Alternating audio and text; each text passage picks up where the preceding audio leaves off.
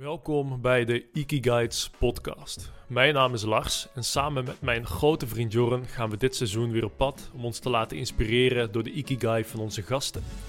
Mocht de term Ikigai nieuw voor je zijn, dit is een Japans concept dat staat voor datgene wat je drijft, wat je motiveert en wat je passie is. Kortom, het is de reden dat je iedere ochtend weer met frisse zin opstaat. Vandaag zijn we op bezoek bij Joel en Yavanna. Samen zijn ze het gezicht van het heilige huwelijk. Een initiatief waarbij ze andere stellen inspireren om daadwerkelijk een heilig huwelijk aan te gaan en God of het goddelijke te betrekken in hun relatie. Maar ze nemen je vooral ook mee in de topics waar zij zelf mee bezig zijn of tegenaan lopen in hun eigen huwelijk. We leven in een tijd waarin relaties, het huwelijk en het gezinsleven steeds meer onder druk komen te staan. Dus er is genoeg om over te praten. We hebben het gesprek buiten opgenomen, midden in de natuur. Dus je hoort af en toe een vogeltje fluiten of een ander geluid. Uh, maar dat mag de pret niet drukken. We kijken enorm uit naar dit gesprek. Heel veel plezier en let's go. Zo, Joël en Giovanna, hartstikke bedankt voor de uitnodiging hier. Uh, de kijker ziet dat we op een prachtige locatie zijn. Zitten hier uh, in jullie achtertuin. De luisteraar die moet dat van ons aannemen. Ja. ja, echt, uh, ja, echt een paradijs. Volgens mij staat het ook op de hek, het hekje Ja, van... Ja. Het heet ook Landgoed landgoed, Paradijs. Ah, kijk. Ja. Nou, dat verklaart een heleboel. Ja. Hoe, hoe zijn jullie hier terechtgekomen? Ehm, Of, of wil je dat liever niet vertellen? dat is precies zo'n ding, nee. ja. Nou, we hebben, ehm, voorheen wonen we in eh, de Randstad, regio Leiden. Ja. En lange tijd gereisd. Ik ben toen zes maanden in het buitenland geweest. En uiteindelijk Javan al eh, drie maanden daarvan apart. Eerst drie maanden in Mexico. Toen drie maanden apart in mijn eentje nog naar Peru gegaan. En nou, toen heb ik Javanna bezocht in Spanje, maar die zat toen in Spanje. Ja. En toen zijn we terug naar Nederland gevlogen en dan had ik een appartementje. En dat klikte op geen enkele manier meer. Dus toen hadden we zoiets van, nou we gaan het opzeggen. We hebben niks nieuws. En we zien wel waar we terechtkomen. Nou, het was een flinke stap in vertrouwen. Mhm. Ja, want je had al echt al alles opgeschreven voordat je iets nieuws had. Ja. Ja, Oké. we hadden alles opgezegd wel voordat we iets nieuws hadden. En, nou, In deze zoals- huizenmarkt is Precies, dat... eh, dan is dat een stap op vertrouwen. ja. En eh, nou, toen kwamen we eerst in een huisje van mijn zus terecht in Ede. Dat zit hier vlakbij. Maar Leiden Dorp hadden we wel Ja, opgeschreven. dat, ja, ja, klopt. Ja, nee. We hadden, we hadden inderdaad allemaal opgeschreven van wat willen we, wat voor een huis willen we. En nou, we hadden dus een lijstje gemaakt. Uiteindelijk in Ede terechtgekomen in een vakantiehuisje van mijn zus. Hm. En nou, we, we konden niks vinden. We gingen bezichtigen. Nou, eh, omdat we allebei ondernemend eh, zijn, konden we niet zomaar een huis krijgen. En ik had een lange tijd niet gewerkt. En ik had mijn zaak. Ik had destijds een kapperszaak. Ja. En die heb ik ehm, overgedragen. Dus eh, ja, je, je kon niet zomaar een huis krijgen. Ook al was er genoeg verdiensten, want je van die werkte toen wel. Nou, ik had toen nog wel wat spaargeld, maar ja, daar kan je ook niet mee aankomen. En uiteindelijk via Airbnb is Ja. je van gaan kijken. Ik was er op een gegeven moment echt klaar mee. En toen ging er ergens een knop bij me om. Toen dacht ik, oké, ehm, ik wil nu gewoon een huis. Ik ben klaar met die onstabiliteit en die onzekerheid. Ik ga nu via Airbnb kijken. Het interesseert me echt niet meer wat we ervoor moeten betalen. Ja, dat is overbrugging, hè? Ik wil gewoon, ja, even tijdelijk, al is het voor een paar maanden. Ik wil gewoon een fijn thuis. Hm. Ehm, ja, toen had ik op Airbnb's gevonden. Toen dacht ik gewoon, ik dacht er, ik voelde er niet echt per se heel erg iets bij. Ik dacht, oh, het ziet er gewoon leuk uit. Ik stuur gewoon even een berichtje of het kunnen bezichtigen. Nou, toen bleek dus dat het ook nog eh, een kwartiertje rijden was van die camping waar we toen toevallig zaten. En toen kwamen we hier aan en we hadden dus toen we in Leiden-dorp nog woonden, hadden we al een lijstje dus gemaakt met inderdaad, we willen op een eh, landgoed en een bad en een praktijkruimte, het liefst in het bos. Maar wat jij net zegt, ja, in de woningmarkt überhaupt Nou, een huis vinden. dat? Dat. je al denkt van ja, leuk eh, met je lijstje, weet je. En eh, toen kwamen we hier aan en toen was het gewoon echt alsof we het één voor één konden afvinken. Ja. En toen zeiden we ja, eigenlijk is dit precies wat we zoeken voor Ja. lange termijn. Toen bleek dat de eigenaresse die ging zelf naar het buitenland. Dus ja, zodoende hebben we hier eh, uiteindelijk een jaar mogen wonen. Ja. Nou, we zitten nu bijna anderhalf jaar. Ja, anderhalf jaar. Ja. En, zo, en ik had eh, eh, nog expliciet neergezet zorgboerderij. Nou, die zit hiernaast. Die zit Ja. ernaast. Dus Daar zijn jullie klopt net helemaal. geweest. Da- da- Nee. nou, daar wilden wij dus eigenlijk eh nou, lekker een biefstukje gaan scoren, maar Ja. ik zag op Google dat die dicht was. Klopt dat? Of is dat ja, maar eigenlijk had je er gewoon heen kunnen rijden. En, want Oh. wij kennen ze en ehm, die, ja, dan kan je gewoon... eh, Oh, dat doen we dan dadelijk misschien Ja, weer, Soms Ja. bellen we ze zo. ja. Die, die gasvervoerde Ja. steekjes. ja, nee, dat is echt top. En het leuke is, het is, een stel van ja, ook onze leeftijd. En die hebben vier kids. En ja, die, eh, ja daar klikken we eigenlijk super goed mee. Zijn we hele goede eh, vrienden mee geworden. Dus dat was wel heel grappig. Oh, wat leuk. Die kregen jullie er eh, gratis bij. Die kregen we er gratis bij. Ja. Nou, de, re- de reden waarom ik eh, dat zo explic- expliciet vroeg hoe jullie hier eh, terechtkwamen is, Jovan en ik die hadden het net al even over, ehm, dat al vrij vroeg in de periode dat, dat ik met Instagram startte, toen volgde ik haar al. En toen zag ik jou volgens mij altijd rondlopen op allerlei tropische oorden Ja. en op Bali. dat klopt, ja. Ja. Ik was echt eh, digital nomad. ja, exact. En dat is nog helemaal niet zo heel lang geleden, toch? Of, Nee, maar dat voelt wel echt als een vorig leven. En ik denk dat dat het ook wel voorlopig eventjes blijft. Niet meer op die manier in ieder geval. ja. ja, jullie hebben nu een kindje gekregen. Ja, Jullie zijn getrouwd. Eh, Ja. hoe lang is dat al geleden? Van de in december. Dat is een ja. strik- strikvraag. December een jaar, ja. Eh, dus er is heel veel veranderd, ja. Ja, wat dat veel. betreft. Heel veel. Hoe, eh, het is wel snel gegaan. Ja, we, hebben, we kennen elkaar. Drie jaar. Drie- denk ik, of zo. nee, ja. Nee, we hebben. Wel Dat we langer. samen zijn, zijn we denk ik drie jaar nu. Drieënhalf jaar samen. En, ehm, en in, die, in die drie jaar, het is echt bizar wat we hebben Ja. meegemaakt. Het is echt, eh, Als je ons drie jaar geleden had uitgenodigd, ehm, had je een hele andere podcast gekregen. ja, Ja. Ja. zeker weten. Want eh, Joël, jij vertelde dat jij een eigen kapperszaak had en die Klopt. hebt overgedragen toen bent gaan reizen. Ja. Hoe heeft dat, eh, die, die, die historie er voor jou uitgezien, Giovanna? Ehm, wat ik hiervoor zeg maar. Ja, dat Dat jullie gingen reizen. zo. Of de beslissing Ja. namen om, eh, om Ja, had- kapzaak weg te doen en, en echt te gaan reizen. Ja, ik had vlak eh, daarvoor had ik, ja, ik had voorheen ook een ander bedrijf en ik had ook vlak daarvoor heb ik dat eigenlijk verkocht, want toen kreeg ik ook ineens tijdens die coronaperiode ineens van dat ik wakker werd in mijn leven van wat ben ik eigenlijk aan het doen? Dit Hm. maakt me helemaal niet gelukkig. Wat, wat deed je? Eh, ik had een marketingbureau Ja. voor eh, vastgoed en makelaardij. En ehm, ja, dus allemaal heel erg zakelijk. En ik voelde van ik wil echt eh, iets doen vanuit mijn hart. Ik voel dat ik hier voor iets ja, veel mooiers ben eigenlijk. Maar ik had geen idee wat. Dus ook, eh, ja, het klinkt nu allemaal heel makkelijk. Het is wel een hele moeilijke fase geweest. Maar eh, ja, bedrijf verkocht, huur opgezegd. En naar Bali. Toen de tijd kon je stiekem een werkvisum kopen. Hm? Eh, dus iedereen dacht dat de hele wereld op slot zat en dat, dat je Bali niet in kon toen tijdens corona. Maar dat kon dus wel via bepaalde wegen. En hij is toen later ook nog die kant eh, opgevlogen. Ja, Maar corona heeft daar dus coronaperiode. Een echte poes gegeven. zeker. Ja, ik denk het wel. Want toen begon ik ineens meer thuis te zitten. Ja, ik denk dat iedereen zijn wereld een beetje ineens rustiger werd. En dan heb je meer tijd om na te denken. En die tijd heb ik goed benut. Ja. dus eh, Ja. ja, goede keus geweest. Ja. Waar, ben je nog meer geweest? Of is het alleen Bali? Ehm, is het echt eh, rond de nou, wereld? Nee, nee, we zijn op zich, tenminste, ik ben geen wereldreiziger. Ik, ik vloog dan wel eens gewoon met vriendinnen gewoon naar het buitenland om daar Ja, ja. eventjes te werken. Spanje. Maar je zei dat, dat zit er voorlopig niet meer in, maar is dat omdat je dat ook achter je wil laten? Dat het niet meer iets wat Nou, bij je past?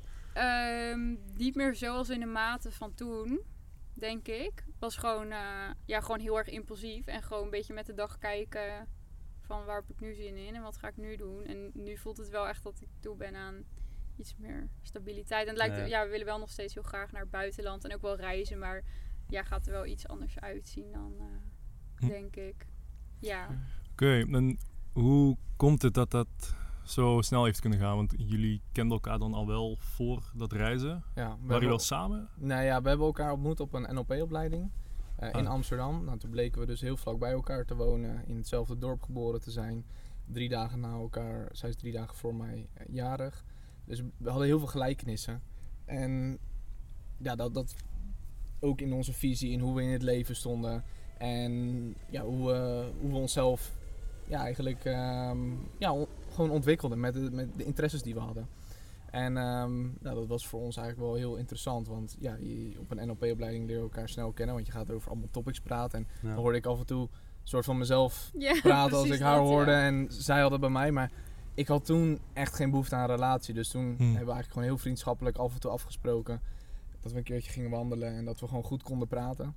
En nou, dat heeft, wat is het? Eh, ja, denk ik wel eh, acht maanden geduurd of zo. Ja, echt wel bijna een jaar dat we Ja. inderdaad eerst vrienden waren. Voordat het echt wat begon te worden. En toen was het wel zo van, oké, nou, we hebben het leuk, maar ja, ik, ik had ja, wel een beetje commitmentproblemen. Hmm.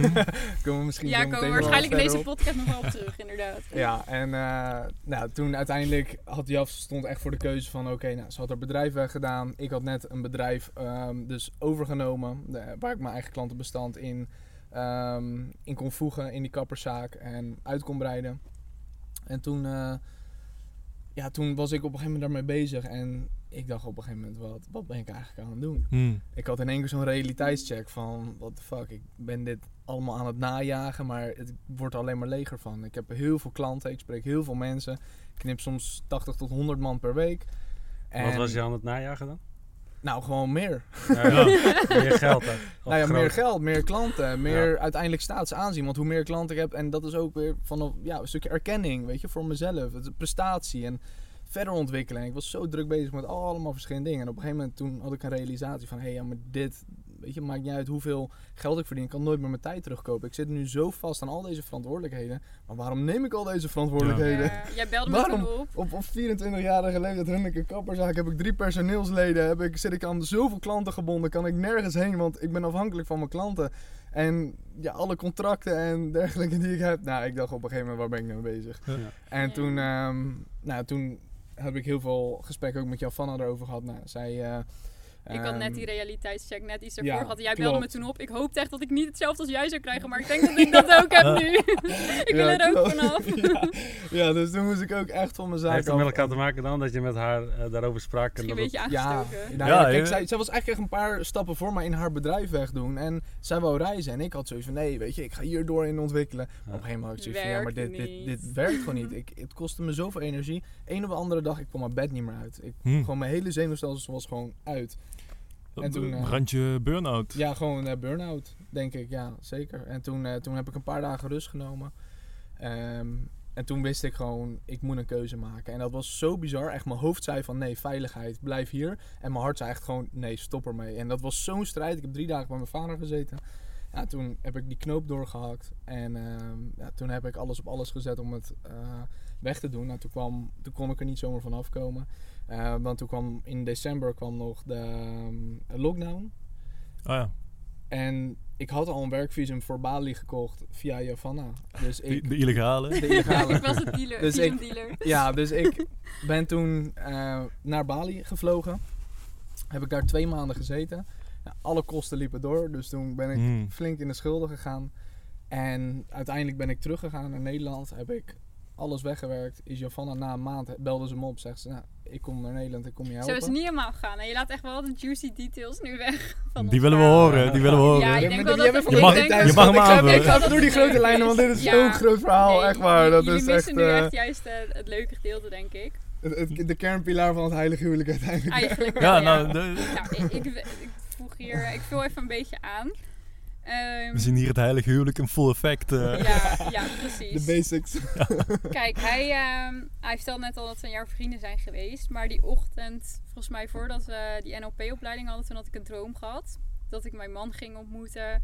En ehm, dat hij te laat binnenkwam. Nou, dat is heel kenmerkend, want Joël komt vaak te laat binnen. En ook bij die opleiding Hmm. toen. en ehm, hij had zelfs de kleren aan die hij ook eh, in zijn kast had hangen. En hij echt gewoon, ja, ik droomde dat ik dus hem eh, ontmoette. En dat ik wel eens wist van, dit is mijn man. Hier ben ik thuis. Nu is het goed. En dat ik hem echt kon voelen en zo. En dat ik echt wakker werd met het idee van, maar ik ga hem vandaag ontmoeten. Zo. En ik kwam toen ehm, dat klaslokaal binnenlopen en er was gewoon geen jongen te zien. Dus ik een beetje tegen mezelf van, nou zie je wel, is onzin. Ik verzin dit gewoon. En toen kwam hij dus te laat binnenlopen. Ik weet nog dat ik toen dacht, huh? Oh, is, is dat mijn man dan? En Echt? is dat, Zo. is dat hem waar ik over heb gedroomd? zat hij op een wit Hmm. paard? Kom ik een wit nee, paard binnenrijden? helemaal niet. En, eh, maar toen gingen we dus met elkaar praten. En toen, ja, wat, wat hij net zei, eh, was dus heel bijzonder. Gewoon alsof, ja, alsof ik mezelf, maar dan een mannelijke versie hoorde praten. Maar goed, ja, Joël die hielp mij best wel op afstand. En ik had ook zoiets van, ehm, ja, ik voelde wel heel duidelijk dat daar een grens zat. Dat, ja, dat het gewoon iets was wat ook rustig aan mocht ontstaan. Ehm, ik denk dat dat ook juist... Heb je dat verteld aan hem? Eh, ja, achteraf allemaal. Maar ik denk dat dat ook heel erg kenmerkend is, ook voor wat we delen, van eh, hoe mooi het is om elkaar echt te leren kennen en dat het uit een vriendschap mag ontstaan. In plaats van dat je verliefd wordt op een beeld van iemand. Toen hij dus naar Bali kwam, ehm, toen wist hij nog steeds niet helemaal dat ik hem heel erg leuk vond. En ik wist nou niet van hem wat hij nou precies van mij wilde. Want ehm, Friendzone. ja, het was een beetje, een beetje die eh, fiets ging het op Ja, inderdaad. ik, ik wist het wel, maar je vertelde het me niet. Maar ik zei het niet, want ik dacht, ja, straks rent hij weg. En eh, Ja, en dat heb ik toen- ook gedaan. dat heeft hij ook gedaan. Want het was echt inderdaad de eerste dag op Bali. Toen hij aankwam was super leuk, was super romantisch. We hadden s'nachts in het zwembad in de regen gezwommen en zo. En ja, we waren helemaal en naakt. Dit zijn dus de juicy titels. Ik wist niet Dit zijn de ik juicy details. Maar, eh, dus dat was allemaal ehm, onwijs leuk. En na een dag kreeg hij het er gewoon heel erg eh, warm van. En toen kwam hij bij mij op visite om echt wat te vertellen van... eh, ja, dit kunnen we gewoon beter niet meer doen. En ja, ik zag ook al wat eronder lag. Dat er een bepaalde gebrokenheid en angst voor commitment onder lag. Maar het kwetste me wel heel Ja. erg. Dus uiteindelijk was er best wel wat afstand tussen ons die twee maanden. En eigenlijk aan het einde begonnen we toch weer een beetje... Omdat, ja...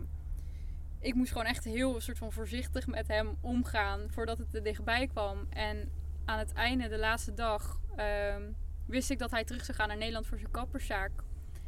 En die dag regende het echt keihard. En ik zat op het strand in de regen. En ehm, nou ja, rond die tijd ben ik dus ook eh, bekeerd. En ehm, ja, kreeg God eigenlijk een plek in mijn leven. Dat had, eh, had het daarvoor nooit. Dus ik dacht, ik ga bidden. En eh, toen deed ik dus een gebed van... Oké, God, als Joel de man voor mij is, zorg dat hij zijn vlucht mist. En ik heb alleen maar gehuild die ochtend. Huilend op de scooter naar huis. Ik dacht, ik ga slapen. Dan hoef ik dit allemaal niet te voelen. En toen werd ik wakker met een appje van... eh, ik heb mijn vlucht gemist. No way. toen dacht ik, oké, nu weet ik genoeg. En toen ehm, ja, is hij naar mij toegekomen. En toen hebben we de laatste dag dus samen gespendeerd. En dat was echt een hele bijzondere dag. En ehm, ik had voordat ik naar Bali ging, had ik bij iemand zo'n sessie gedaan met paarden. Ik weet niet of jullie dat kennen. Dat kennen wij wel. Dat hebben wij ook ooit gedaan. Super tof. En toen kwam dus eigenlijk de hele reis die op Bali zich had afgespeeld. Dat was al in die opstelling. En aan het einde van die opstelling kwam er een regenboog. En het paard dat dus voor Joël representant stond, die kwam naar mij toe en naast me staan. Het was echt heel bijzonder. Die laatste dag waren we dus op zo'n plek samen. Keken we uit op wat ik toen in die opstelling ervaarde. En kwam ook die regenboog. Dus het was allemaal super kloppend Ja. echt de meest ja, bizarre, bijzondere dingen zijn gebeurd die laatste dag. Toen ging hij naar huis. Toen dacht ik, maar ik kan nog steeds niet toegeven dat ik hem leuk vond. Het hing wel in de lucht, was Hmm. overduidelijk. Maar toen dacht ik, ja, nu, nu moet ik toch wel eerlijk gaan zijn tegen mezelf en tegen hem. Dus eh, toen wilde ik hem opbellen om dat te vertellen. Ik voelde, ik wil ook naar Nederland. Ik wil hem helpen met zijn zaak. Ook al is het het stomste wat ik misschien nu kan doen, want ik kon Bali niet meer terug en ik heb geen huis. Maar ik voelde gewoon, ik wil kiezen voor de liefde. En ik vond het doodeng. Dus de eerste keer dat ik hem belde, durfde ik het niet meer te zeggen. Toen kwam ik met een soort van smoes van... Ja, kom terug naar Nederland, want ik moet naar de tandarts en zo. Ik weet niet wat voor dingen ik toen heb gezegd. En ehm, ja, uiteindelijk heb ik hem toen s'nachts huilend een memo gestuurd van... Ja, ik hou eigenlijk heel veel van je en ik wil je komen helpen. En toen Mm. heeft hij me opgebeld en toen eindelijk na een jaar om elkaar heen draaien. Een jaar lang. Zo. Ja, Maar eh, Toen, ja, eh, ja, echt eh, meerdere vragen die door me heen gaan. Ja. Maar eh, als eerste ben ik wel benieuwd of je daar iets over wilt delen. Waar kwam dat vandaan dat jij die moeite met commitment hebt? Ik hoef natuurlijk niet in volledige details te treden, maar ik Nou, denk dat heel veel mensen dit herkennen ja. namelijk. Ja, en vooral zeker. ook mannen, denk ik. Ja, Ja. absoluut, zeker. ja. Nou, ik heb eh, op mijn twintigste is mijn moeder overleden. En kort daarna ben, ben ik het huis uitgezet door mijn vader. En ging mijn relatie destijds uit. Hm. Dus dat zijn heel veel klappen voor mij geweest. Waardoor ik emotioneel gezien heel moeilijk kon hechten. En omdat ik echt op mijn eentje, in mijn eentje toen stond, nou, toen ben Ja. ik gewoon heel erg met ontwikkeling bezig gegaan. Dus bang om weer die pijn te ervaren, wil absoluut. die hechting onderliggend, weer. onderliggend Ja. lag dat eh, zeker ehm, wat mij daarvan weer hield. En, en ik had voor mezelf echt zoiets van, nou, tot mijn dertigste hoef ik, ge- wil ik geen partner, geen vriendin. zei hij ook ik altijd wil tegen mij. volledig, volledig focussen gewoon op eh, mijn business, op het groeien, ontwikkelen en dan zie ik het allemaal. Nou, dat is denk ik ook waar, wat heel veel mannen eh, over, over denken van dat tot mijn dertigste en dan Ja. gaat het allemaal, eh, ga, ga, ga ik pas binden of, of hechten of toe, emoties toelaten. Ehm, nou, ik kwam er op een gegeven moment, kreeg ik eigenlijk gewoon een keiharde spiegel zelf van hoe, hoe op slot ik stond. En Jaf maakte dat wel bij mij naar in mij los. En die spiegelde mij daar heel erg op terug. En eh, toen, ja, toen ben, ik, ben ik daar toch ingestapt uiteindelijk. Omdat ik wist dat, dat, dat ik gewoon bepaalde zaken aan te kijken had. En, eh, en godzijdank heb ik dat ook gedaan. Ja. En, eh, en dat is wel een hele rit geweest hoor.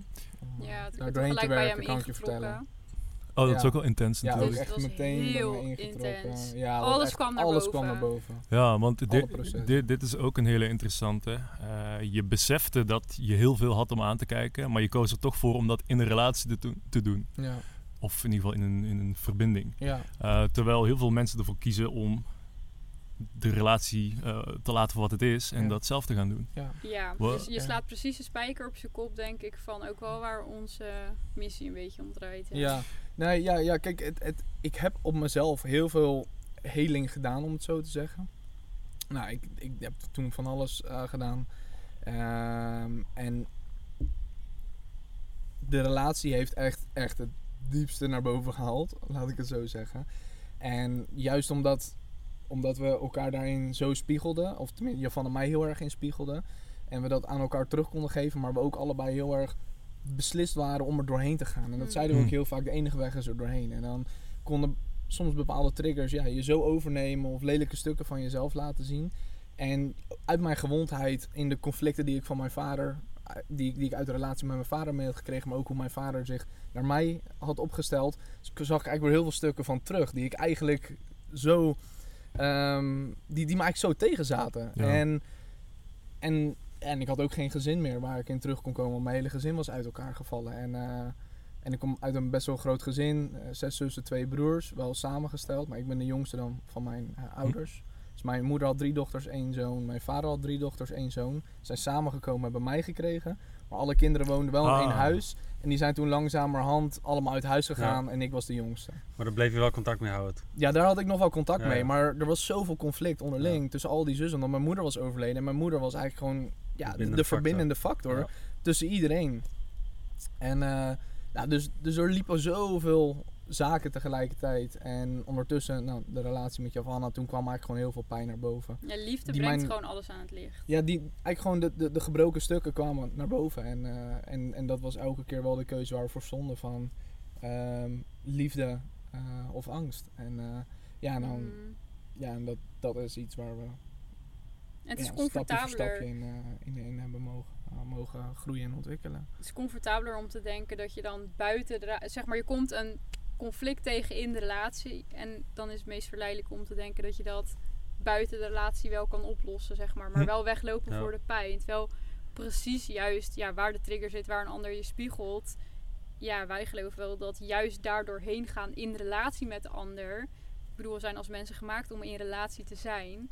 Ehm, dat dat de enige weg is ja, om, om dat echt ja, te helen, vind ik. Ik weet Ja. niet of dat nou, het juiste te verzuiveren. vind, maar een vers- ja. Het is een verzuiveringsproces. En, en als je dan de vraag stelt, wat, wat, wat een heilig huwelijk, wat is een heilig huwelijk? Ja, ja misschien Ja. dat dat inderdaad een goede is. Ja. Want ik weet niet of dat al duidelijk is voor de luisteraar. Maar dat is een, een, een, een concept, een, ook een Instagram pagina eh, Ja. die jullie samen Ja. hebben. Ja. En wat, wat is daar de basis van?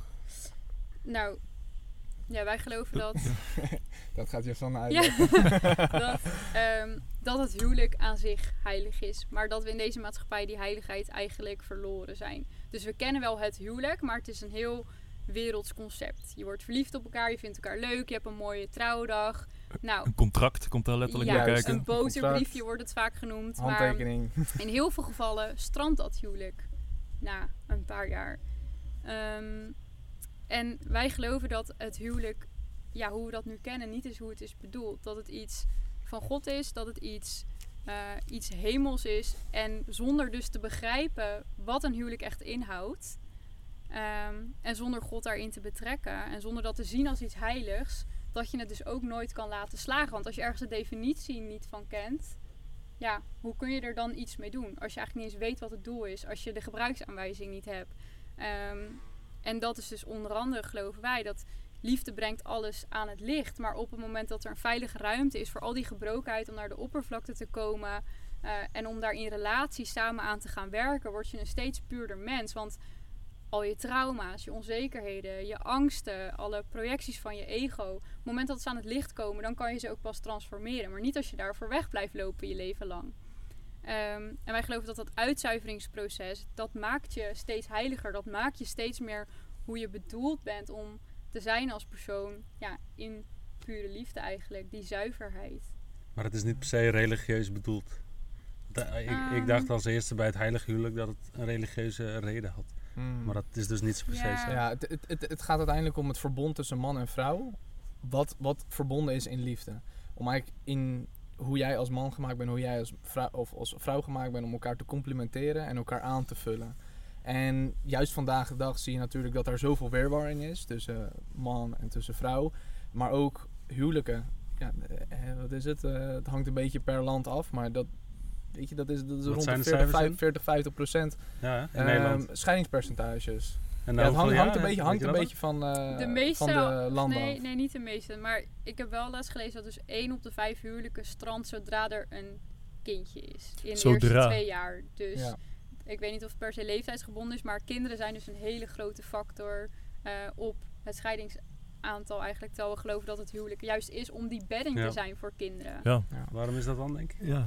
Nou, dat kunnen wij nu wel een beeld van schetsen. Dat, ja, Nou, het, Ja. het, het, het- weet je, op het moment dat je moe bent, op het moment dat, dat er, dat er ja, dat, dat je niet op je best bent, komt wel naar boven. Je, je, je onderliggende karakter komt naar boven. ja. Jullie hebben tien weken geleden een Nou kindje ja, gekregen. Wij hebben voor tien weken geleden je, je gaat op ja. overlevingsstand staan. Hè? Dus het is Ja. niet alleen je onderliggende karakter, maar hoe ga je dan om met die overlevingsstand? Zeker, Dat is je karakter. absoluut. Ja. En, ehm, Nou ja, maar ook dat, dat komt naar boven uiteindelijk. en ook voor heel veel relaties, en daar gaan we misschien straks ook nog over hebben, maar die zijn gebouwd op aantrekkingskracht. Op lust zijn mensen samengekomen. Nou, in de meeste gevallen als er een kindje komt, eh, dan kun je seks even op je buik schrijven in het begin. Ja, als dat een hele verbindende factor is in je huwelijk, en dat is er ineens niet meer. En je vrouw wordt ineens een stuk minder aantrekkelijk en mooier. En eh, je man is er opeens niet voor je op het moment dat je hem heel erg nodig hebt, omdat je door zo'n transformatie gaat als vrouw. Ehm, ja, dan zijn dat ook factoren die meespelen. Ehm, maar ja, wat ik me daarover in heb gelezen, is ook wel in heel veel gevallen dus dat op het moment dat de seks wegvalt in een relatie, eh, dat eigenlijk de hele relatie gewoon wegvalt. Oh, Terwijl dat niet is waar je, dat. dat is niet Ja. waar je een levenslang huwelijk op kan Ja. bouwen, op seksuele Ja. aantrekkingskracht. Ja. Maar dat Ja. doen we wel steeds Ja. meer. ja, maar dat is ook met het, het hele stukje casual seks. En zoveel mensen zijn chemicaal met elkaar verbonden. Hmm. En niet op iets diepers. Kun je dat uitleggen is- wat je daarmee bedoelt? Ja, dus de, de, de gelukshormoons die vrijkomen op het moment dat je een ander aanraakt, op het moment dat je seks met elkaar hebt. Eh, op een stukje fysieke aantrekkingskracht, wat dat bij je losmaakt. Maar op het moment dat die, die aspecten zijn natuurlijk ook tijdelijk en ook in fases. Dus op het moment dat die eigenlijk vervallen, ja, dan, dan gaat je klik met iemand anders ook veranderen. En dat is wel waarom op het moment dat je gelovig bent en je betrekt God daarin, dan heb je iets fundamenteels wat, wat, eh, wat zowel buiten jezelf is, maar ook wat in de relatie eigenlijk centraal staat, wat je met elkaar verbindt. Want het gaat uiteindelijk om iets groters dienen. Ja. Ja. Voorbij jezelf. Dus En je, gevoel, je tijdelijke gevoel. ja, in, inderdaad, en, en je, in je vleeselijke verlangens, Die we allemaal hebben. die we allemaal hebben, maar dat het, weet je, dat het, dat het voorbij daar gaat eigenlijk. En, eh, ja, precies. Maar hoe, hoe ziet dat er... ehm, zou je dat wat concreter kunnen omschrijven? Hoe God dan zorgt voor een extra ja, laag om je huwelijk heen? Een, een, fundamentelere laag? denk aan andere principes. Ehm, ja, als wij het over God hebben, dan houden we daar ook aan wat in de Bijbel staat. Daar gaat het gewoon heel erg om het liefhebben, om het geven, om het dienen van de ander. En we zien gewoon in de maatschappij vandaag dat het heel erg draait om ik. Dus ook als je gaat vragen aan mensen van wat is de grootste reden om samen te blijven, ja, dat de ander je gelukkig maakt. Dat je samen kan groeien. Maar wat als iemand even door een ander soort levensfase gaat? Of wat als iemand jou even niet gelukkig maakt? Waar is het dan op gebouwd? Terwijl als je vooral gefocust bent op iets groters dienen en op elkaar dienen, dan wordt het ik kleiner. En wij geloven wel dat voor een verbond zal het altijd moeten draaien om wij en niet om ik. En helemaal als daar kinderen bij betrokken zijn. ehm, het werkt niet als het dan alleen maar om jou draait. Dus ik denk dat dat Ja. wel een van de belangrijkste componenten Mhm. is. Ja, zeker. Ja, en, en een bepaal inderdaad eh, eh, een stukje dienstbaarheid. Dus hoe zet jij je in voor je medemens? Hoe heb jij die ander lief voorbij jezelf? En ben je heel erg gericht op je eigen verlangens, constant willen vervullen, of op die ander? En nou ja, liefde en respect is een heel eigenlijk bekend begrip binnen in de Bijbel. Van vrouwen willen liefde, mannen willen respect. En dat laat eigenlijk al een dynamiek zien. Hm. Want wij mannen willen gewaardeerd worden en geëerd worden voor wat we doen. Want dat bekrachtigt ons. En daardoor willen we eigenlijk naar voren toe stappen. Dat maakt je ergens krachtiger. Dus ook in je leiderschap. Maar ook als vrouw, een stukje zachtheid. De liefde maakt haar zacht. En daardoor kan ze eigenlijk veel meer zakken in die overgave? Waardoor het elkaar Ja. complementeert. En dat is wel wat wij geloven. Dat is hoe God het huwelijk heeft bedoeld. Tussen man en vrouw. Met verschillende aspecten, verschillende rollen. En op het moment dat die dynamiek eigenlijk... Ja, tuurlijk. We hebben allemaal verschillende aspecten. Kijk, de vrouw kan eh, soms bepaalde... Ja, kijk, ik, ik wil, wil het niet te erg mannelijk-vrouwelijk maken. Nee, ja, je, je omschreef het nou generaliserend inderdaad. Ja, Ja, precies. dat, dat Er is, natuurlijk altijd. Inderdaad, gebilden, exact. Dus Ja, daar moeten zijn we nu over altijd Die praten. wou ik ook Ja. nog even betrekken. Ja. Van uiteraard, tuurlijk eh, zijn die er ook. Maar over het algemeen ja, zijn mannen meer rationeel aangelegd Ja. en vrouwen Ja, eh, en dat is gewoon biologisch. Dat is puur biologisch. Ik bedoel, Ja, als je de absoluut. hersenen en Maar- hormonen gaat vergelijken, dan kan je daar niet omheen.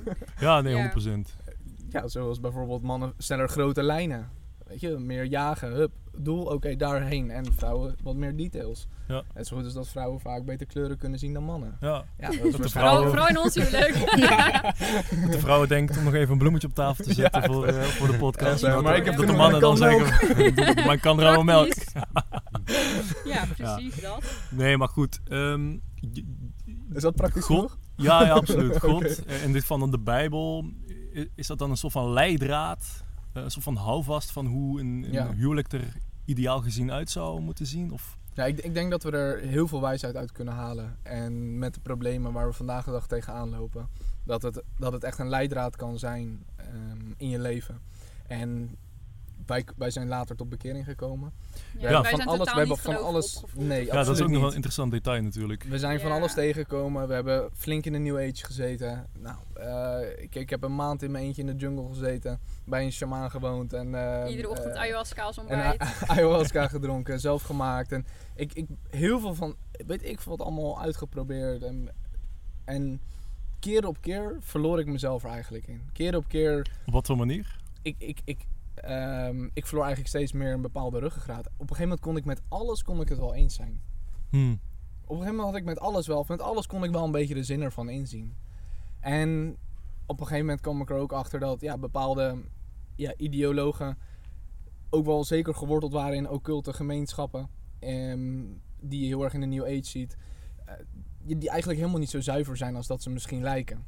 Hmm. En ik, ik merkte op een gegeven moment dat ik een, een, ehm, ja, een, een soort van identiteitsverlies had. Dat ik, ik kon me niet helemaal meer met iets identificeren. Omdat ik met alles eigenlijk het wel soort van Ja. eens kon zijn. Het was Mhm. zo breed gezet van, ja, alles is energie. Dit is een andere Je frequentie. creëert je eigen waarheid. Snap je? En, en inderdaad, precies. Nou, dat is een mooie. Op een gegeven moment kon ik voor mezelf rechtvaardigen wat wel goed en fout was. En ik merkte op een gegeven Niet, moment... niet meer dus. Hm? Niet meer dus, toen je Ja, daarin verloor. Nee, ergens niet meer, maar ik deed het wel. Want ik kon zelf rechtvaardigen van, oké, ja, nou ja, als het goed voelt, dan voelt het goed. En, Ah, en, op die en- manier. in, in bijvoorbeeld een stukje dienstbaarheid, ja, wanneer het mij uitkomt. Ja, Ja, kijk, als er geen God is, wie bepaalt er dan wat sneller- goed en fout is? Er, komen sneller, eh, ja, Je had hardere kaders nodig. In Ja, principe. ja, dat heeft het mij zeker gegeven. Het heeft mij gewoon echt een, een, een, een, ehm, eh, een, een afscherming gegeven, een, een onderscheidingsvermogen.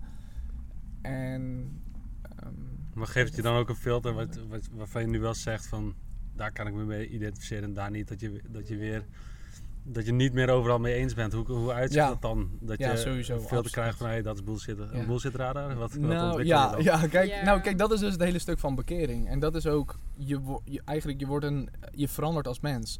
Je, ehm, ehm, je, je, je wordt getransformeerd op het moment dat je echt tot bekering gelooft. En dat is eigenlijk dat je oude, oude zelf afsterft. En dat is ook wat Jezus beschrijft in de Bijbel. Van, eh, dat, je, ehm, eh, ja, dat, je vernieuwd wordt. En eh, nou, bijvoorbeeld een bekende vers is: do, do not be confirmed by the patterns of this world, but by the renewing of your mind. Dus eigenlijk het stukje vernieuwing wat er in jouzelf gebeurt. En dat is letterlijk wat er met mij gebeurde. Dat ik op een gegeven moment op het pad van geloof kwam. Dat ik eigenlijk dacht van ja, maar wat een deceptie leven we. Wat een weerwar in, in, in, in de hele wereld. In hoe we, hoe we worden misleid en eigenlijk verder en verder afdrijven van hoe God ons heeft bedoeld. Dat zeg ik dan Mhm. nu, maar nog niet vanuit dat perspectief. Maar van hoe het eigenlijk bedoeld is te, Ja. eh, als, als mensen. Maar tot die conclusie was je nog niet gekomen ehm, die maand eh, in de Amazone bij de nee, shaman? zeker niet. Nee, Ik, was, Nee. ik was gewoon keihard op zoek naar de waarheid. Ja. Maar door wie werd je dan misleid? Nou, ik, ik, zie dat, ik zie dat wel als, eh, als, als entiteit, als, als duistere, duistere krachten en machten die ehm, ehm, misleiding brengen in de Ja, wereld. En, En, en we zien dat, kijk, het teken van het beest, bijvoorbeeld, nou, 666, zo wordt het ook beschreven in de Bijbel. Ehm, kijk, we- als, we, als we in de wereld kijken naar hele grote corporaties, zien we dat er bepaalde dingen gewoon niet kloppen. Ja, precies. In, in die en dat het heel ja. sinister Ja. is. Snap je? Dat, Ja. Kijk, dat, maar wat is dat? Wat aanbidden hun? Als Ja. we gaan kijken naar alle muzieksterren van vandaag in Hollywood, wie aanbidden hun? maak- maken ze alleen maar grapjes met z'n allen? Hè? Maken ze grapjes met z'n allen? Of, weet je, wat, wat Maar is had dat? je die bullshit Dus- radar, want je zei met corona, toen corona begon, gingen jullie beide weg. Hadden jullie toen wel die bullshit radar al? Want je, dan, ga je op, dan ga je op zoek naar, oké, de wereld proces, klopt niet. De wereld klopt, klopt niet. Maar wat klopt wel? Dus je komt in de wereld van zelfontwikkeling. Je komt in de wereld van spiritualiteit. En ik denk wel dat het mooi is als we het een beetje bij het thema, zeg maar, het huwelijk en relaties houden.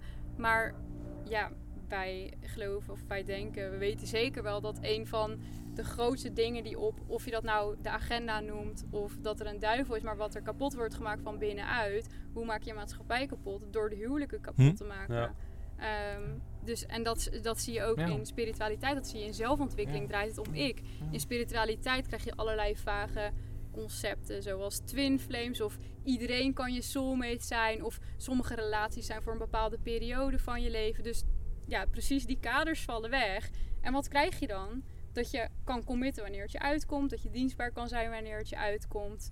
Eh, en dat lijkt op het eerste gezicht heel vrij, heel leuk. Maar als je dan gaat kijken naar wat dat met kinderen doet.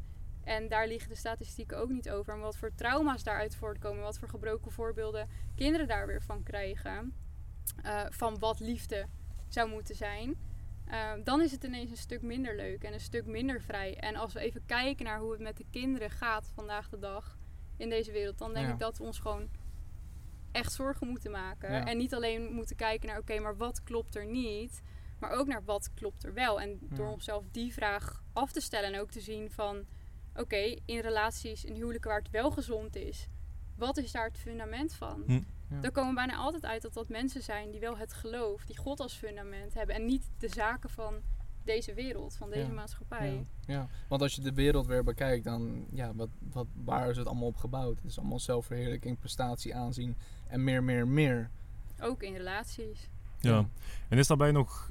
ehm, ja, jullie, jullie noemen God. Jullie zijn zelf Ja. christelijk. Zeg ik dat goed? Of? Mhm. Ja, we zijn, we- we- nou ja, kijk, we, we zijn volgers van eh, Ja, Christus. van Jezus. Ja. Je, hebt, je hebt denk ik best wel Ja. het verschil tussen religieus Ja. Christendom. Ja, we binden ons niet per se Eh. aan een bepaalde richting vanuit kerkelijk of wat dan ook. Ja, Ehm, echt Jezus. ja, Er we zijn er wel dagelijkse activiteiten waarin je dat terugziet. Ja, Bijvoorbeeld kerkdiensten of, of ja nou, gaan we, bidden. we, zijn wel eh, regelmatig naar kerkdiensten gegaan, maar ook met kerken. Wij we merken van, we hebben niet een kerk nodig om ons geloof te voeden. Onze Nee. geloof is tussen ons en God. En that's it. Daar hoeft geen pastoor of, Ja. of kerk voor- tussen te staan. Alhoewel een kerk wel heel goed kan zijn in het onderwijzen. Maar mensen moeten ook niet afhankelijk worden van een kerk, wat wel heel vaak gebeurt. En dat is eigenlijk niet een persoonlijke relatie met God hebben. En om net even over, over dat van net nog even aan te sluiten. Van, kijk, er zijn duistere krachten en machten die jouw aandacht willen trekken. Maar er is ook een goede kracht. Ik bedoel, die, die is er. Ehm, alleen dat is. ehm, eh, kijk, dat is wel vaak waar we heel wantrouwend zijn. Terwijl we het eigenlijk wel allemaal om ons heen zien. Dat die verschillende aspecten er zijn. En dat is wel op een gegeven moment de vraag: maar wat is nou echt zuiver? En waar draait het nou echt om? Ja. Ja, en het geloof is bijvoorbeeld bij mijn bekering ook op een hele natuurlijke manier gekomen. Ik moest niks van God weten. Ik had echt, eh, ja, gewoon mijn nekhaden gingen overeind staan. Als je het Ja. had over God of over Jezus of over de Bijbel. Dat, ik bleef daar heel ver vandaan. Ehm, maar het is echt door bepaalde dromen gekomen. En inderdaad door ineens dat mijn gebeden op een moment dat ik het echt zelf niet meer wist. Dat ik dacht, nou weet je wat, als er dan een God is, ik ga bidden. En dat dan gewoon, ja, ineens de boel omdraaide. Dit, dit Maar is dat ook niet wat ze nu vaak manifestatie noemen? Dat je manifesteert Maar en- manifesteren is vaak heel erg op je eigen kracht. Van ik ga heel hard eraan denken. Ik ga heel hard visualiseren. Ik ga heel erg. En dan ook nog vaak op wereldse behoeftes. Ik wil een groter huis. Ik wil een mooiere auto. Ik wil meer geld. Ik geloof wel dat. Ja, maar wat was dan de eerste stap Ja. dat je wel zeg maar dat ehm, in God ging zoeken? Dat je wel toen de Bijbel opende of zo? Toen ik echt wanhopig was. Toen het manifesteren niet werkte. ehm, voordat ik mijn bedrijf verkocht, zat ik ook in een burn-out. En het leek erop alsof ik in hele hoge schulden zou komen. Dat ik heel lang door moest werken. En ik zat er zo doorheen. Ik kon het zo niet meer op eigen kracht. En geloof me, toen was ik ook genoeg bezig met manifesteren. En kijken of de sterren goed genoeg stonden, zeg maar, om mijn leven te veranderen. En toen ik het echt niet meer wist, ben ik echt op mijn knieën gegaan. Oké, als er een God is. En ik had toen net, ja, weet ik veel, een week of een paar weken daarvoor over God gedroomd. En dat voelde ook zo intens. Dat was zo bijzonder. Dat kende ik ook niet. Ik dacht, oké, God, als je dan bestaat, laat het me zien. Help me. Help me uit deze shitzooi. En toen tien minuten later werd ik gebeld door iemand die zei... Maar waar ik mijn verhaal aan vertelde, die zei... Oh, maar weet je wat? Ik neem dat bedrijf wel over. Wij nemen het wel van je over. Echt? En dat was mijn eerste ding dat ik dacht. En dan kan je nog denken, oh, dit is misschien toeval. Maar toen kreeg ik meer van dat soort... Ja, het is vaker Ja. gebeurd. Je hebt al een aantal voorbeelden genoemd Ja. eh, natuurlijk. Ja, God heeft wel zijn vertrouwen bij mij Ja. moeten winnen. Want wat ik zeg, ik was echt... Ik, ik heb op een Rooms-Katholieke basisschool gezeten. Ik vond het gewoon verschrikkelijk. Ik had er zo'n afkeer tegen. En er waren wel eens mensen die zeiden... joh, die spiritualiteit waar jij in zit, dat is hartstikke gevaarlijk.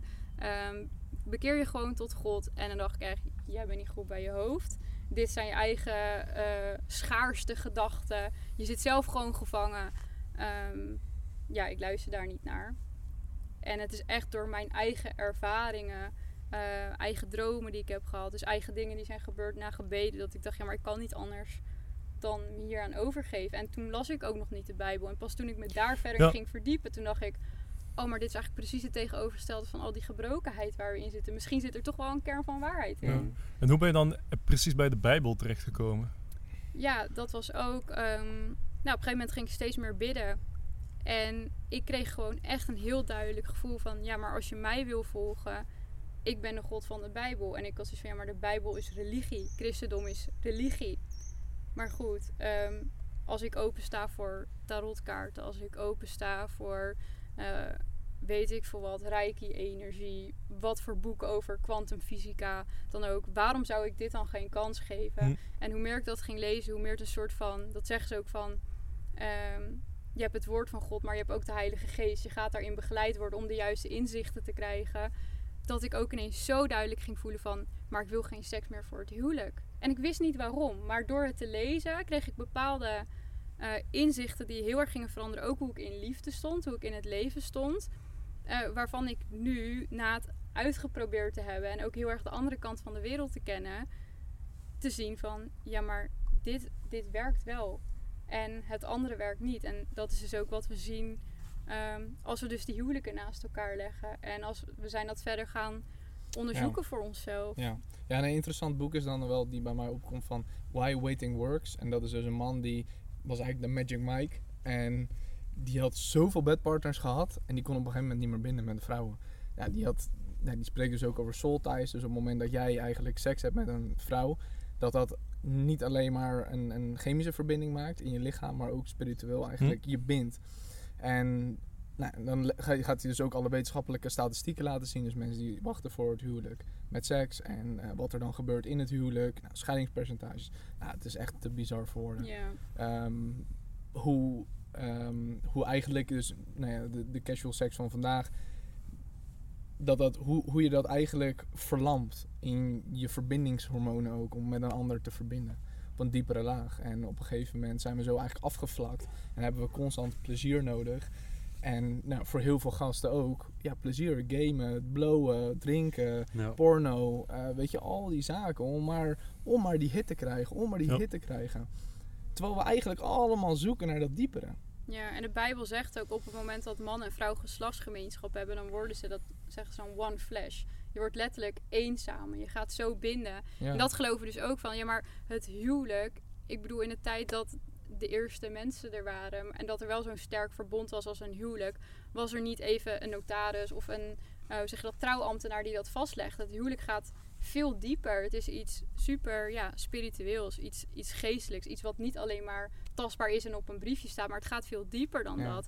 Dus wij geloven ook inderdaad dat, ja, als je kijkt naar hoe het bedoeld is, met ook de hormonen die vrijkomen, hoe erg je aan elkaar gaat binden, dat zou een fundament zijn voor een monogame relatie. Maar waarom zien we nog zo weinig monogame relaties in de maatschappij? Op het moment dat wij dat stuk met iedereen delen, dan is op een gegeven moment natuurlijk ook het einde zoek.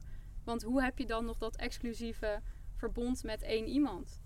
Ja, nou, wat jij net vertelde, dat voorbeeld van elke keer als je intiem bent met iemand, dat er een zie- zielsverbinding, dat je een zielsverbinding aangaat. Mhm. Ehm, dat kan je natuurlijk niet met iedereen doen. Het klinkt haast als Nee, dat delen, delen wel. van je ziel. Ja, ja, ja. Eh, als je je ziel Ja. te vaak deelt, dan Mhm. blijft er maar een heel klein beetje Ja. over. Ja. Mhm. Ja, maar mensen lekken zo erg. Tuurlijk zijn ze op een gegeven moment zo leeg en depressief. Want al hun stukjes liggen ook bij andere mensen. Ze hebben allemaal lijntjes met weet ik veel wie allemaal. Maar die zijn niet. En dat is allemaal gebondenheid. Het houdt je allemaal gebonden. En dat is wel vaak wat de, wat de wereld eigenlijk projecteert. Is allemaal gewoon verdeeldheid en gebondenheid. Wat er heel misschien rooskleurig uitziet. Ja. Maar je uiteindelijk alleen maar eh, eigenlijk bestolen achterlaat. Want je wordt niet echt gezien als iemand alleen maar met jou is voor je lichaam of om zichzelf tijdelijk een gevoel te geven. En het is heel erg neergezet alsof dat wel iets ja, heel bekrachtigends is of zo. Dat je vrij bent om met iedereen seks te hebben. Maar het is dus op lange termijn super schadelijk. En een van de redenen dat het ook steeds makkelijker is, is eh, anticonceptie. Bedoel, als jij als vrouw, als het- genoteerd. ja, als het zo normaal is dat je van jongs af aan eigenlijk op je twaalfde nou, je gaat seks hebben, je wil niet zwanger worden, hier heb je een pilletje. Dan beseffen we dus ook niet meer de grootheid van seks. Van er komt letterlijk nieuw leven uit voort. Ja. Maar als we dat niet meer beseffen, dan wordt het iets recreatiefs. Dan Hm. wordt het iets voor plezier. En we geloven ook van, ja, ik bedoel, God heeft je lichaam gemaakt ook voor genot. Anders zou je niet zoveel zenuwen hebben. Bij wijze van, dan zou je lichaam niet zo in elkaar zitten. Maar wel in een veilig verbond tussen één man en vrouw. En op het moment dat jij dus van jongs af aan eigenlijk dat het heel normaal is dat er verwacht wordt van eh, je gaat waarschijnlijk met meerdere mannen seks hebben. Nou, het gevolg ervan is dat je zwanger kan raken, maar dat wil je niet, dus neem maar een pil en op die manier kan je wel gewoon je gang gaan. Gaat dus ook weer dat heilige stukje, dat er nieuw Ja. leven uit voortkomt. Wij geloven ook dat dat heel heilig is, want het eerste wat God in de Bijbel zegt tegen de mensen die heeft geschapen is van wees talrijk en plant jezelf voor. Dus ook seks is bedoeld als iets heiligs. Maar ook daarvan, doordat mensen dat zijn onderbre- gaan onderbreken en hun eigen betekenis aan hebben gegeven. Dus een wereldse betekenis in plaats van een goddelijke betekenis. eh, en er dus dingen zijn gekomen zoals anticonceptie. eh, en een heel ander soort, soort cultuur waarin ja, seks gewoon normaal is. Om met een vreemde te hebben, gaat die heiligheid er ook weer vanaf. Maar hoe zou je dat nu dan, ehm, stel je, je hebt een groepje meiden voor je, 12 jaar. Mhm. Hoe zou je die nu dan voorlichten, zodat ze daar, wat jij nu vertelt, denken van oké, Mm. nou, dit, dat eh, geloof ik ook, of dat, dat vind ik een goed verhaal. Ik wil die pil ook niet. Ik ga het zo ook doen. Ja, Hoe, hoe krijg je, puur praktisch gezien, krijg je dat nu nog bij iemand? hele Eh. goede vraag. Ik krijg ook echt wanhopige moeders Ja, in de DM van ja, ik zie dat mijn dochter gewoon helemaal valt voor de cultuur die er op school is, die er tijdens het uitgaan. Ja, ik verlies mijn dochter, maar hoe ga ik doordringen? Ehm, kijk, ja, wij, wij hebben ook heel erg in de wereldse zaken geleefd. En ehm, je kan het nooit helemaal voorkomen, denk ik, dat je je kind kwijtraakt in de wereld. Maar het gaat er denk ik wel om, heb je die principes wel meegegeven? Want dan heeft een kind iets om op terug te vallen. Ja, als het zaadje geplant is al. Ja, en het Ja. belangrijkste is wees een goed voorbeeld. En, en dat is misschien een lastige. Maar ehm, nou ja, ik heb wel eens eerder het voorbeeld genoemd van... eh, ik kende... eh, ik was in gesprek met een meisje. Zij was aan het daten met een jongen. En zij deed gewoon uitspraken zoals van... Ja, ik ga echt niet zomaar met hem naar bed. En ik ga hem wel eerst zijn best laten doen. Ja, ik heb een heel gezond voorbeeld van mijn vader gekregen van hoe het hoort. Dus eh, ja, mij praat je niet zomaar het bed in. Ik ga niet zomaar mee met iedere jongen met die spelletjes. En dat is dus wel omdat haar ouders hebben haar gewoon een voorbeeld gegeven wat gezond is. En dan kan je nog van je pad afwijken.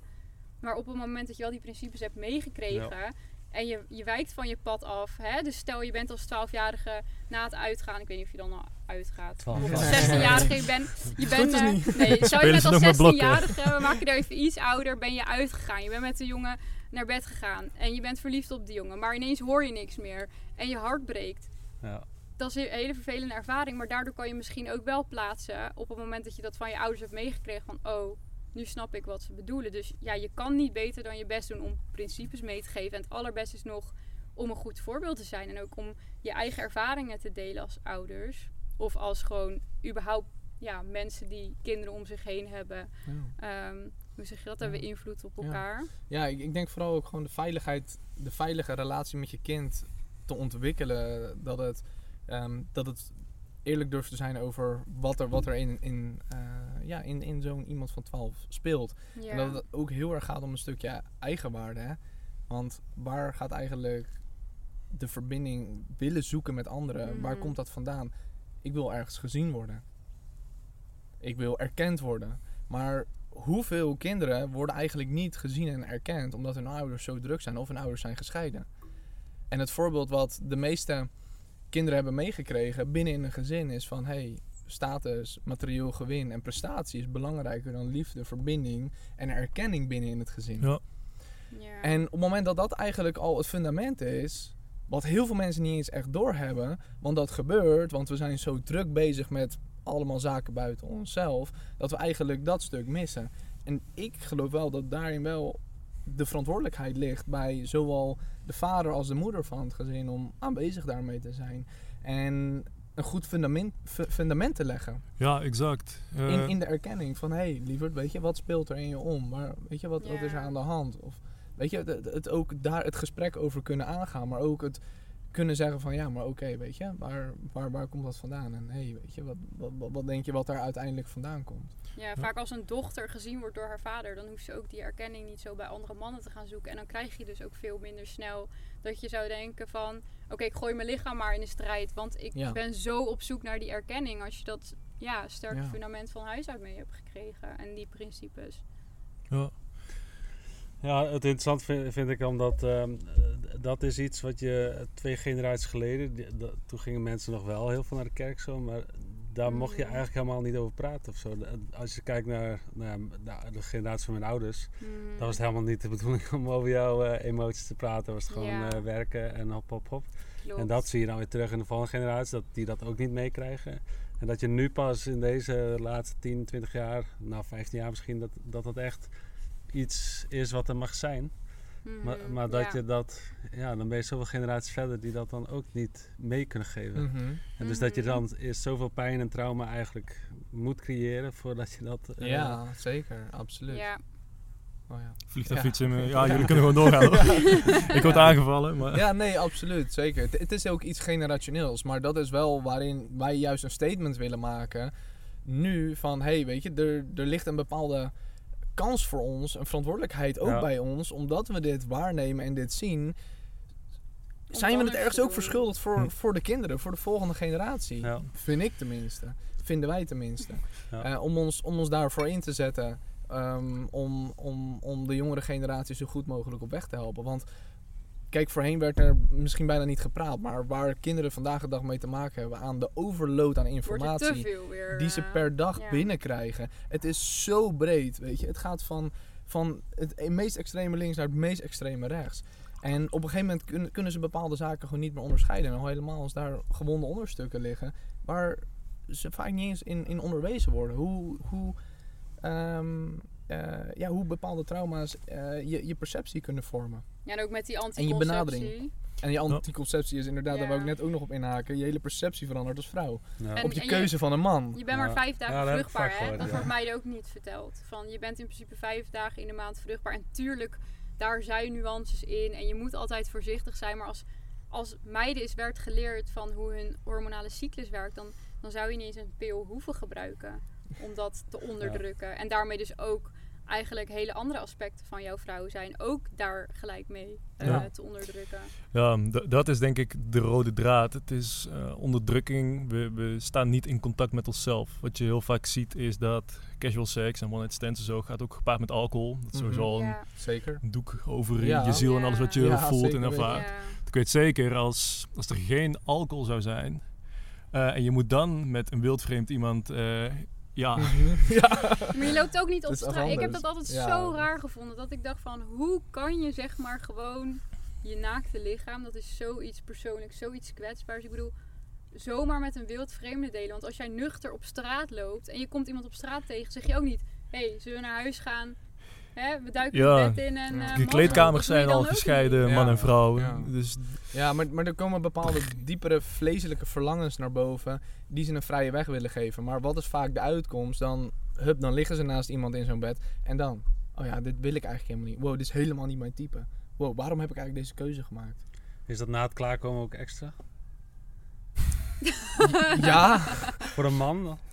Nou, nee, maar, ja, maar, je- ja, maar, je, nee, ontlaat, je ontlaat jezelf. Ja, maar je bent geladen van, van, dan- van je energie, van je mannelijke energie. Je bent jagend, weet je wel. Ja, maar dat je dan echt denkt van, ah kut, wat, wat heb ik gedaan? Zo, waarom doe ik dit? Of Nou ja, dat dat je tuurlijk, is dan- wel maar- de, ja, de maar grootste wel- lust is ja, er maar- wel vanaf. Ja, de meeste, de mannen kunnen zichzelf niet eens beheersen als het gaat om hun ontlading. Om hun mannelijke energie bij hun te houden. Maar ze zoeken constant naar ontlading, snap je? In hun, in hun game, in hun, in hun blootje, in het drinken, in de volgende vrouw, in hun porno, in weet ik veel wat allemaal. Constant maar ontlading. Maar op een gegeven moment ben je gewoon eigenlijk een ben je alleen maar als een junkie op zoek naar je ontlading. En daar heb je eigenlijk iets anders of een ander voor nodig. Ja. En dit is toch te zielig voor woorden. En dan heb je uiteindelijk eigenlijk een hele generatie die zo aan het dwalen is.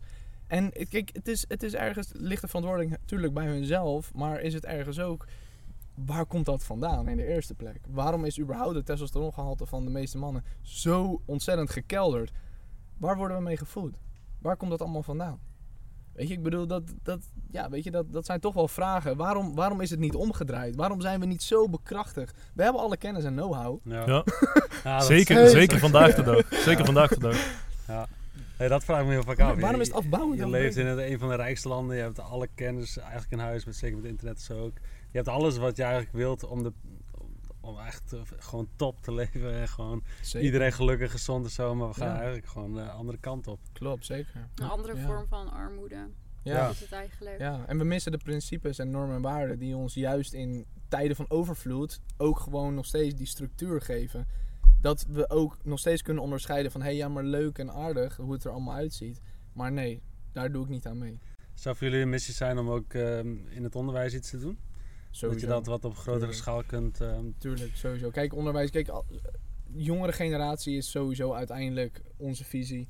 Eh, we, tuurlijk, het zijn alle mensen die een relatie hebben of wat dan ook. Maar tenminste, Ja, zit, dat met- zit eigenlijk op alle, alle ehm, leeftijden natuurlijk Ja, wel. Die je absoluut, kan, be- zeker. Ja, kan Maar- beïnvloeden om... om Ja. Maar, maar ik wat ik nog wil zeggen, het is wel uiteindelijk de relaties. Want dat is wel het voorbeeld voor die generatie die eronder zit. Ja. Ja. precies. Omdat er nu heel Het veel gaat om het heilige huwelijk, Ja, uiteindelijk. Dus Ja. ja. ja. maar als voorbeeld weer, als, eigenlijk weer als een steunpilaar voor de die generaties geven dat daaronder. Want dat is het fundament voor Ja. ze. Het, dat, dat ze een gezond voorbeeld daarin krijgen in hoe papa en mama met elkaar communiceren. Ook op het moment dat er hevige emoties zijn. Hoe beheerst papa zich? Kan mama nog steeds op een normale stem praten en respectvol zijn naar de vader? In plaats van dat ze respectloos wordt naar de vader. En Ja. dat het kind zoiets heeft van, wow, wat gebeurt hier in deze dynamiek? Want die hebben veel meer door dan dat we vaak denken. En dan, weet je, dan verandert dat ook heel snel het perspectief van het kind in de benadering naar een ander misschien wel. Weet je, dus het zijn wel 100%. fundamentele zaken. Hmm. Ja, daar, daar begint het eigenlijk, het huwelijk. Het, het gezin, dat is de basis van, eh, van de samenleving. Ja, hoef ik jullie natuurlijk niet te vertellen. Hey, ehm, voordat je tot een huwelijk komt, of tot een relatie, moet je daten. Jullie hebben allemaal interessante posts op jullie eh, Ja. Instagram-kanaal staan. Het heilige huwelijk. Eh, het zijn ha- so- haast soort van guides per eh, topic. ja, En eentje daarvan was bewust daten. dan ben je Hoe- ver naar beneden gescrollt. Hoe, eh, ja, ik, ik doe mijn research. hoe, hoe doen we dat, bewust daten? We hebben net over casual sex gehad en one-night stands en zo. Ja, ik denk dat, dat die wel duidelijk is. Eh, maar ja, wat wij net benoemden, onze eigen ervaring, is echt de tijd nemen om een ander te leren kennen. Want wat we ook gewoon zo vaak zien, is dat we verliefd worden op het idee van een ander. En dat is dus, denk ik, best wel gevaarlijk. Want er gaat een moment komen dat je in een moeilijke periode komt samen. Er gaat een moment komen dat iemand er even doorheen zit en zich niet meer zo leuk gedraagt. Er gaat een moment komen dat je iemand ook gaat zien voor wie die is. Dus die heeft misschien net zoveel minder leuke kanten als de leuke kanten waar je in het begin zo op gefocust bent. Ehm, en ja, op het moment dat je daar ontzettend teleurgesteld van raakt en niet weet hoe je daar samen mee om kan gaan, dan betekent dat dus ook vaak dat dan vrij snel een, ehm, ja, dat het niet tot een relatie komt. Ehm, of, of dat een relatie niet stand houdt. En Ehm, ik denk dat het belangrijk is om te voorkomen dat je verliefd wordt op een idee van iemand. Dus daarvoor zul je iemand eerst langere tijd consistent moeten leren kennen. En dan niet in de slaapkamer dus, maar juist daarbuiten. Eh, veel gesprekken met elkaar hebben. Maar ik denk ook, lig je op een lijn met iemand. Want wij we krijgen echt, worden overspoeld met DM's. Van alle soorten en maten huwelijksproblemen die er zijn. En heel vaak blijkt dat achteraf eh, vrouwen er bijvoorbeeld mee zitten dat hun man niet gelovig is. Maar dat wist ze eigenlijk al toen ze de relatie instapte. Of dat de man Ja. niet nog een kind wil.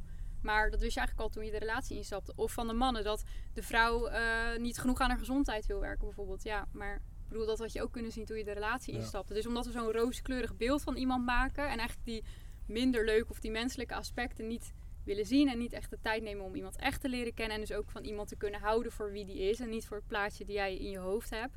zal je daar de tijd voor moeten nemen. Goede dingen kosten ehm, tijd. En nou geloof ik ook wel van, je kan op het moment dat je daar bewust van bent... ehm, en dat, dat zien we dus ook bij veel ja, christelijke jongeren die daar bewust van zijn... die maken vaak ook dan wel eerder de stap om te committen. Dus niet van, oh we gaan... eh, eerst nog een relatie aan en we kijken dan wel waar het strand en we gaan even samenwonen en dan kijken of het leuk is. Maar die beseffen zich wel, oké, wij, ehm, ik weet dat jij een imperfect persoon bent. We delen dezelfde normen en waarden. We stappen met hetzelfde doel een huwelijk in. We denken hetzelfde over dingen. En ik weet dat jij niet perfect bent en dat er momenten gaan komen dat het moeilijk is. Dus we kiezen voor een huwelijk omdat we dat commitment aan elkaar geven. Dus ik denk dat dat ook wel een ding is. Van, neem wel de tijd om elkaar echt te leren kennen. Vooral de moeite om een ander echt te leren kennen door middel van gesprekken. Maar ook het uitstellen van commitment zorgt er ook voor dat er een gebrek aan veiligheid is. Dat er een ehm, ja, gebrek aan toewijding is, waardoor een relatie ook nooit helemaal gaat slagen. Omdat mensen altijd maar met één been erin en eruit staan. Dus ik geloof ook wel op het moment dat je dan ehm, ja, weet dat iemand bij je past, om dan wel de keuze te maken om je echt toe te wijden. En niet maar tot in de eeuwigheid af te wachten ja, of iemand wel de perfecte partner is, want die bestaat niet. Ja, dus eigenlijk ook al commitment vanaf het moment van daten. Ehm, Ehm, meer kaders, denk ik. Ja. Maar op het moment dat iets ook echt letterlijk serieus is van hey, de visie is een gezin, de visie is om samen bij elkaar te blijven, dan brengt dat eigenlijk al direct van oké, maar het is serieus. Dan ga, dan, dan, dan ga je die keuze ook heel an, vanuit een heel andere plek maken. Ja. Op het moment dat het gewoon passief is anders van oh, nou, Ja. we kijken wel waar het heen gaat. En, Maar het eh, krijgen en- van en- kinderen is dat toch ook? Toch is dat niet eh, bindend genoeg, blijkbaar? Nou, als je kijkt hoeveel mensen er dus met kinderen uit elkaar gaan, Ja, blijkbaar bedoel niet. Is dat niet Ja. genoeg? Nee. Nee, En dat denken denken van, heel veel Ja. mensen wel. En dat Ja. is dus ook een fout die mensen maken. Oh, ik vind mijn man eigenlijk... Eigenlijk voel ik dat wij niet echt op een diep niveau gewoon toegewijd zijn aan elkaar. Eigenlijk is de relatie al niet helemaal op een sterke fundering gebouwd. Maar ja, heel veel vrouwen krijgen rinkelende eierstok of die willen heel graag een kind. Of heel veel mannen en vrouwen denken, weet je wat, als we kinderen nemen wordt de relatie beter. Want die hebben dat ideale plaatje van een gezinsleven. Nou, en dan Ja. ga je helemaal uh, Ja. ga je rouw op je dak Ja. krijgen. Ja, maar de basisprincipes worden eigenlijk al direct blootgesteld op het moment dat er een kind komt.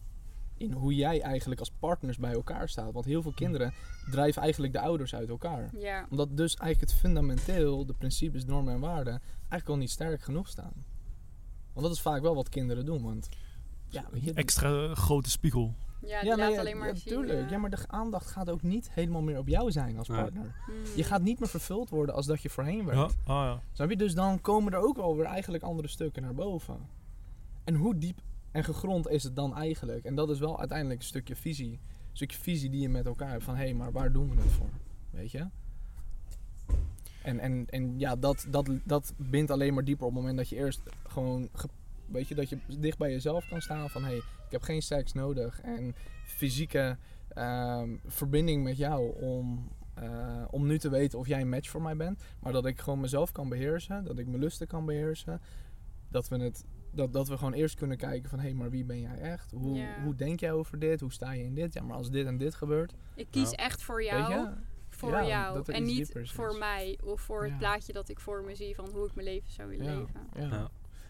Ja, ik, ik heb een keer zo'n experiment gedaan. Dat is niet op religieuze basis, maar eh, het komt uit het Taoïsme. Mhm. Oh ja.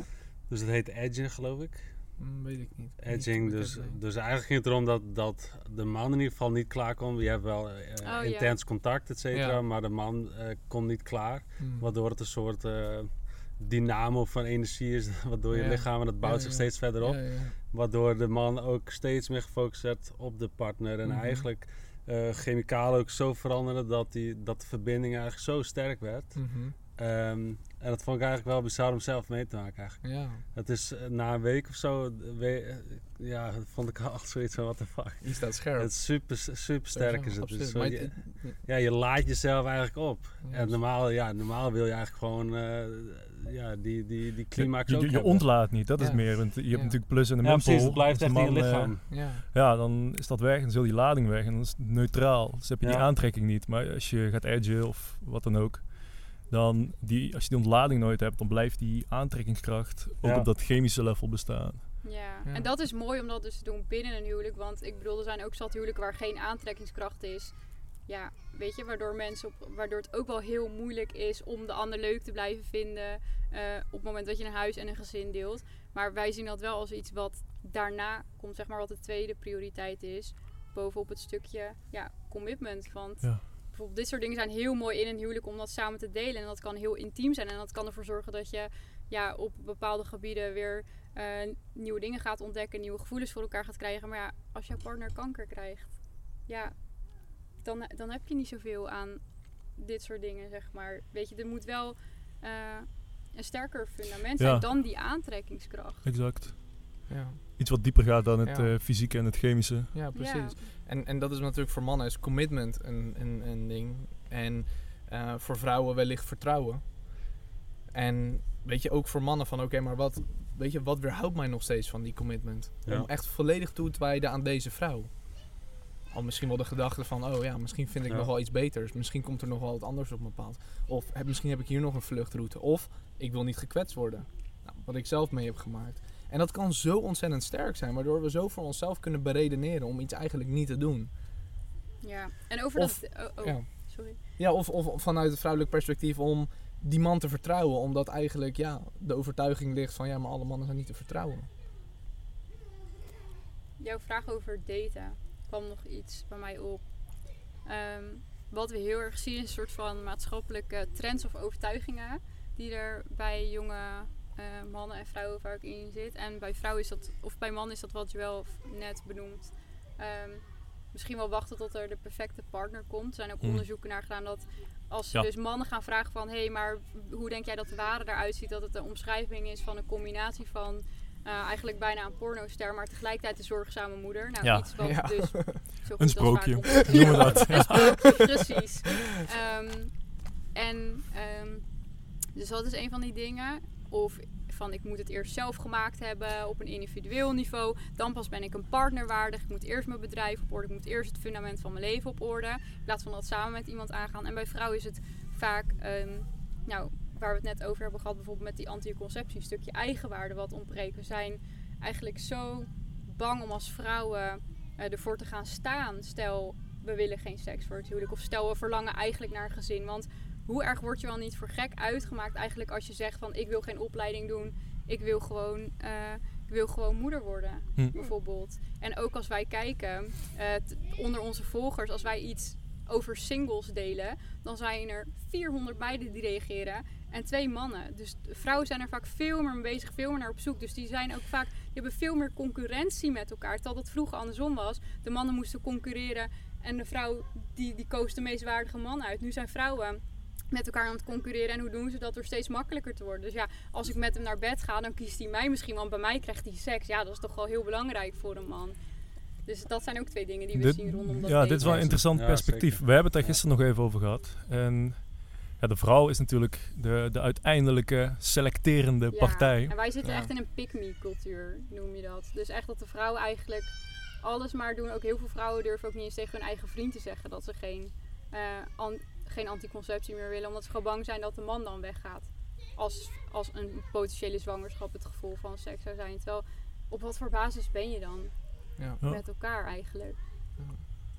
Maar ja, dat Ja. zien we wel veel. Want ja. de ware aard komt dan eigenlijk ook naar boven, maar vaak zijn we er heel bang voor. Dus als, vrouw, als een vrouw gaat staan voor haar waarde, ja, dan, Wat ja, dan, kan, dat, dan dan kan de man ook zoiets denken van, ja, maar hé, wat krijgen we nou? Weet je, nu krijg ik niet meer wat ik wil. Ja, er is, er is genoeg anderen. ja, Ja, de groeten ermee, weet je. En dan de meeste mannen, die, die heb je, die, die hebben het karakter niet eens voor, om, voor zo'n vrouw, om daar Ik doorheen hoor te een prikken. baby huilen. Omdat ze... Oh. Nou, dan moet jij, eh, moet jij de podcast verlaten. Ja. Ja. We, mo- we moeten sowieso naar het einde toe gaan werken. Ja. Ehm, Maar eh, ja, nee, dat, kan, dat is prioriteit. Hè. Dus eh, ja, super bedankt, eh, Ja. Giovanna. We zullen hem nog even mooi afsluiten. Ja, Zo ja, is Oh. goed. Hij blijft aan het front. ja. Jij naar Vicky. ja, toch. Ja.